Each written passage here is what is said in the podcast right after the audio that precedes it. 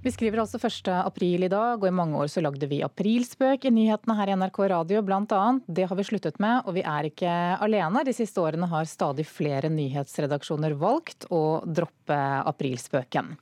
Bente Karlsnes, førsteamanuensis ved Institutt for journalistikk og mediefag på Oslo OsloMet, god morgen. God morgen. Hva er grunnen til at flere redaksjoner nå dropper aprilspøken?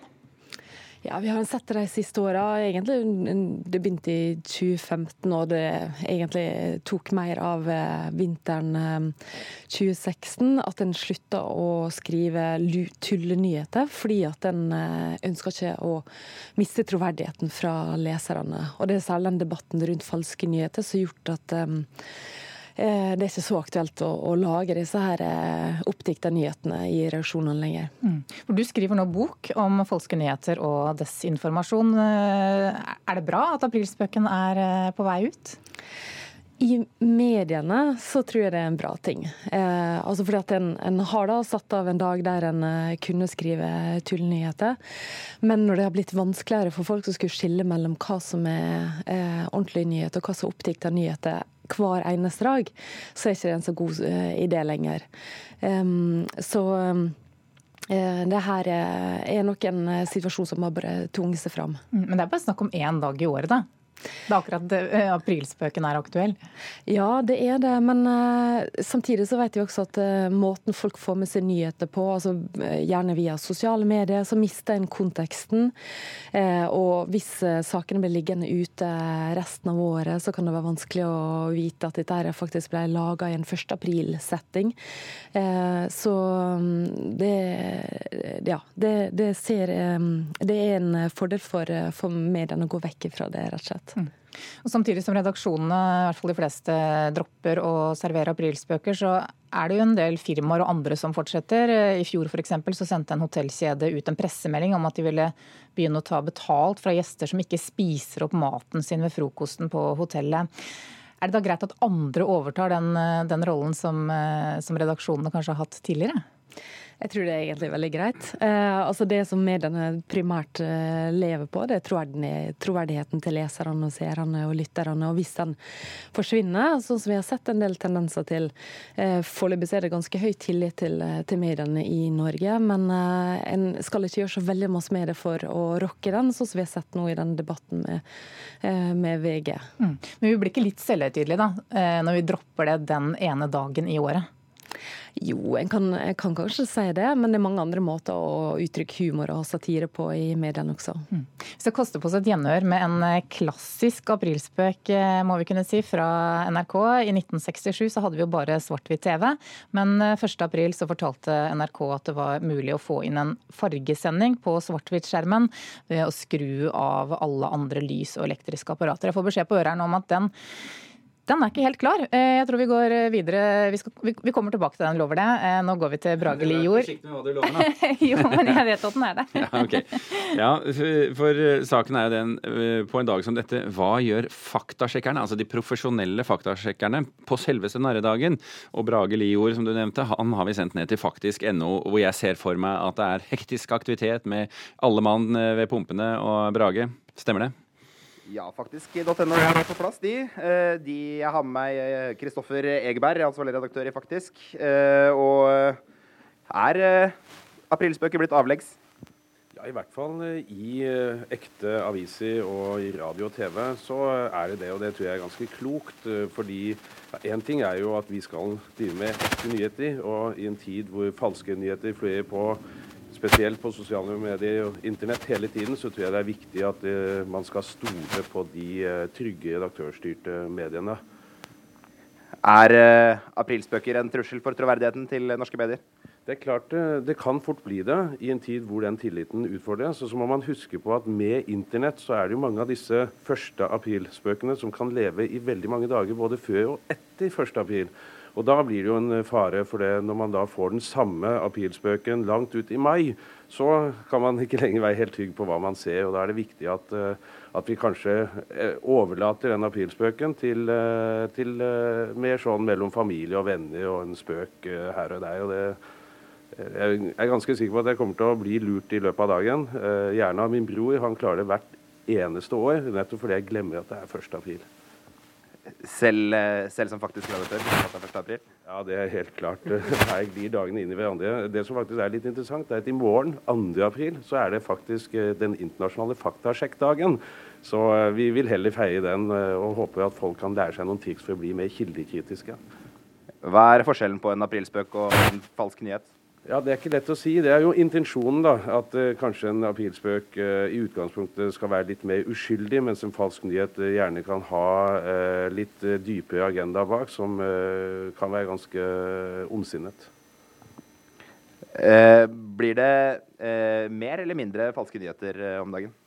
Jeg tror nok at vi alltid har hatt eh, falske nyheter og tull og tøys eh, på internett. Men jeg tror vi blir eksponert mer for det nettopp fordi eh, de fleste av oss er på mange ulike sosiale medier. Og det er jo der disse typiske tullesakene og eh, propagandasaker og desinformasjon eh, får veldig fart nettopp fordi det skaper enormt engasjement. Eh, og Det er jo nettopp litt sånn som aprilspøker er, at det gjerne er noe oppsiktsvekkende. Noe som du tenker nei, det kan jo ikke være sant. Og det er gjerne det som deles aller mest på Facebook og, og Twitter og Instagram. Nå prøver jo en del av de virkelig store aktørene, sånn som Facebook, å, ta grep for å hindre spredningen av falske nyheter. Merker man det? Jeg håper at vi kan merke det. Det skjer jo ganske mye nå. De er veldig opptatt av f.eks. EU-parlamentsvalget og andre valg. Jeg tror det blir spennende å se frem mot eh, lokalvalget her hjemme også uh, til høsten. Uh, jeg syns ikke de gjør nok. Og jeg tror nok at de må skru enda mer. Og så helt på tappen, Nina Karlsen. Har du noen tips til hvordan man kan avsløre en falsk nyhet? Det handler jo først og fremst om å finne ut hvem det er som står bak, altså hvem som er avsender for den informasjonen du leser. Eh, og se om kilden kan ha en agenda, eh, om man har en bakgrunn som tilsier at man, dette er noe man har kunnskap om. Så er det å identifisere kildene. Finnes det kilder for den informasjonen du leser? Hva er de kildene, og kan du finne mer informasjon om kildene selv? Eh, og så er det alltid lurt å tenke på om noe kan være humor, om det kan være satire. Spesielt på en dag som i dag. Eh, og sjekke datoen. Alltid sjekke datoen. Er saken gammel? Ble den publisert 1.4? Da bør det kanskje være ekstra obs.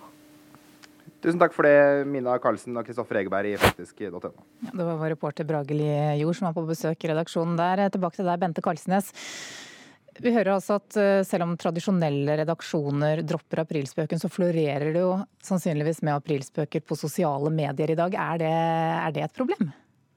Nei, Det trenger ikke være et problem. Men det er klart at for, eh, for nyhetsmedier som lever av troverdigheten, og som eh, må sikre seg at, eh, at leserne kan stole på dem, så er det en annen situasjon. Om en hotell, hotellkjede eller en organisasjon velger å lage en, ja, en praktisk, practical joke, så er det, er det, noe annet. Så jeg tenker at det kommer vi nok helt, til, helt sikkert til å se fortsette. Mm. Har du selv planer om å lure noen i dag?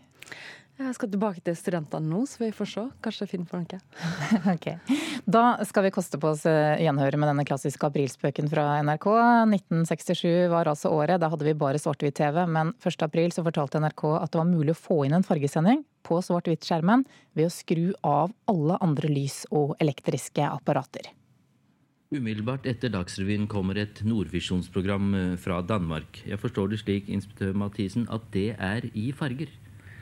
Ja, det er eh, det første i en eh, eksperimentserie som vi skal lage. Og i kveld skjer det i samarbeid med elektrisitetsverkene, de nordiske, som skal sette ned spenningen ganske meget, ned til en 200 eh, volt. Vi har forstått det slik at det da også vil være mulig for seere med vanlige sort-hvit-mottakere å oppfatte disse fargesignalene? Ja, det er riktig. De vil oppfatte delvis dette som en fargesending i det fosforbelegget på innsiden av billedrørene, det er avhengig av eh, spenningen, hvordan det vil lyse. Altså om vi vil, Spektralfordelingen av dette lyset er avhengig av spenningen. Og eh, Derved vil vi kunne få til en viss fargegjengivelse, men ikke slik som den originale. Hvordan skal eh, eventuelle interesserte seere gå fram for å oppfange disse fargesignalene? De må se på baksiden av sitt apparat. Eh, der vil det stå oppført vanligvis eh, hvor stor effekt apparatet trekker fra lysnettet. Det er vanligvis 200 watt. Og så må de sørge for at totalbelastningen andrer til 320. Det skal da i alt bli 320 watt. Takk skal de ha. Altså, for å summere opp dette her. En må gå ned til nøyaktig 320 watt samlet innen en strømmålerenhet. Og altså i tillegg til TV-apparatet bare ha på 120 watt. Vi vil like gjerne oppsummere det som helt herlig. Ja, det, eh, men jeg kan på sett og vis skjønne at noen gikk på den. Det var grundig. Ja, Ettertrykkelig. Eh, NRK Nyhetsmorgen er for øvrig også på fargefjernsyn, bare så det er sagt. Hvis det var noen som ikke helt har fått det med seg. NRK1 kan du se denne radiosendingen hver eneste dag. Eh, teater også i farger, selv i Drammen. Arbeidsplasser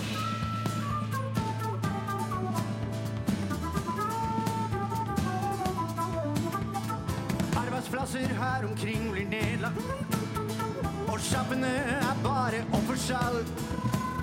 Selger rottene i bakgården, spiser Ja, dette er altså duoen To rustne herrer, bedre kjent som Jonas Fjell og Ole Paus. Eh, Det var ikke det vi hørte her, tror jeg, men det var altså de som har skrevet mange låter som har blitt eh, allemannseie. Brageteatret i Drammen har laget en forestilling basert på dette musikalske universet, og resultatet har blitt konsertforestillingen Sett bagen fra deg. Premiere var i helgen, og eh, da er det jo bare å spørre Karen Frøsland eh, Nystøyl, eh, hva handler Sett bagen fra deg om? Altså, det er en eh, forestilling som bygger på tekstene til Ole Paus, og den er veldig tro mot det universet som finnes i disse tekstene. Så, så hva det handler om? Altså, det handler om kampen for å holde seg på beina. Det handler om å gjøre livet så godt som mulig. Det handler om å reise seg når man faller, om å finne lys i mørket, osv. Eh, Og hele scenen på Brageteatret er gjort om til en konsertsal, til en brun pub, der publikum sitter ved, ved småbord, der det er bar på begge sider og en scene der framme. Så vi er i utgangspunktet på en konsert, og så skjer det saker og ting som gjør at denne konserten blir en slags teaterforestilling etter hvert. Så en sånn miks mellom konsert og teater er det egentlig. Men hva er det som gjør at det blir til en teaterforestilling? Hva er det de, hva er det de får til, eventuelt ikke får til? Altså, det som gjør at det blir teater, er at der sitter jo skuespillere i salen som plutselig reiser seg og nærmest kupper hele konserten. Altså, en som satt rett ved meg, han, han var liksom far til vokalist 18, eh, og han ser ei fra ungdomsskolen som han var forelska i da, og så starter ting å skje. Dessverre så fungerer ikke dette så veldig godt, syns jeg. Eh, historien rundt disse låtene er svak allerede fra starten av. Jeg tror ikke på den eh, fortellinga jeg får servert, og det er, sjøl om disse karakterene er som henter henta ut fra låtmaterialet til Fjell og Paus. Um, det som gjør uh, dette til en god forestilling, er, eller i den grad det er godt, er at bandet er utrolig godt og så, så tight gjort. uh, Så fine arrangementer. uh, Og vokalistene er òg veldig gode. men Historien bærer ikke før ut i andre akt, og det er litt seint, syns jeg. Ja, hva er det som skjer da? Nei, da, da begynner vi å gå med på det som skjer. Det begynner å tette seg til, og livet begynner å bli ganske hardt. Og da har vi på en måte som publikum ikke noe valg. Da, da blir vi med på denne historien. Så de, de klarer ikke å skape, syns jeg, da, en god nok flyt i materialet. Det virker som om både manus og regi ikke er helt på plass. Sammenflettinga av historie, disse forskjellige kjærlighetshistoriene vi får, den er ikke god nok, og den rettferdiggjør ikke at disse karakterene nærmest kupper det som egentlig da var en, eh, en konsert. Noen av de som er med, er jo skuespillerne Irén Reppen og Anders eh, eh, Mordal. Eh, er det et godt valg? Klarer de fint å gjøre det de skal som skuespillere? Ja, det er et godt valg, og, og, og de er tro mot materialet. De har masse erfaring, og de klarer å behandle den teksten som er skrevet ganske godt, syns jeg. Og, og de, de spiller med, med alt de har for å skape et fellesskap mellom alle oss som sitter ved disse småbordene. Men så er det jo sånne småting som at det finnes lamper på hvert bord som blinker i takt med musikken av og til, som er ut, faktisk utrolig slitsomt. Eh, så det er det er en dårlig historie fortalt i en god setting og med et godt band. Ja. så- Og jeg tror jo jeg tror folk lar seg engasjere. Altså når den dama i baren plutselig skulle stagedive, så kom alle publikum fram og tok imot henne. Ja. Og det er liksom allsangfaktor her med engler i sneen og forskjellig. Så, så jeg tror publikum får mye de kjenner som de er glad i, da. Og så er det eh, Jonas Fjell og Ole Paus eh, som folk jo er glad i, så det kan jo hende at de får solgt en billett eller to ved Brageteatret i Drammen. Ja, det er jo satt opp allerede før premieren, så ble det jo satt opp flere ekstraforestillinger. Så dette er jo helt sikkert noe folk vil ha. K- Teaterkritiker Karen Frøysland Nysel, takk for at du eh, anmeldte teaterstykket 'Sett bagen fra deg', som altså foregår i Drammen.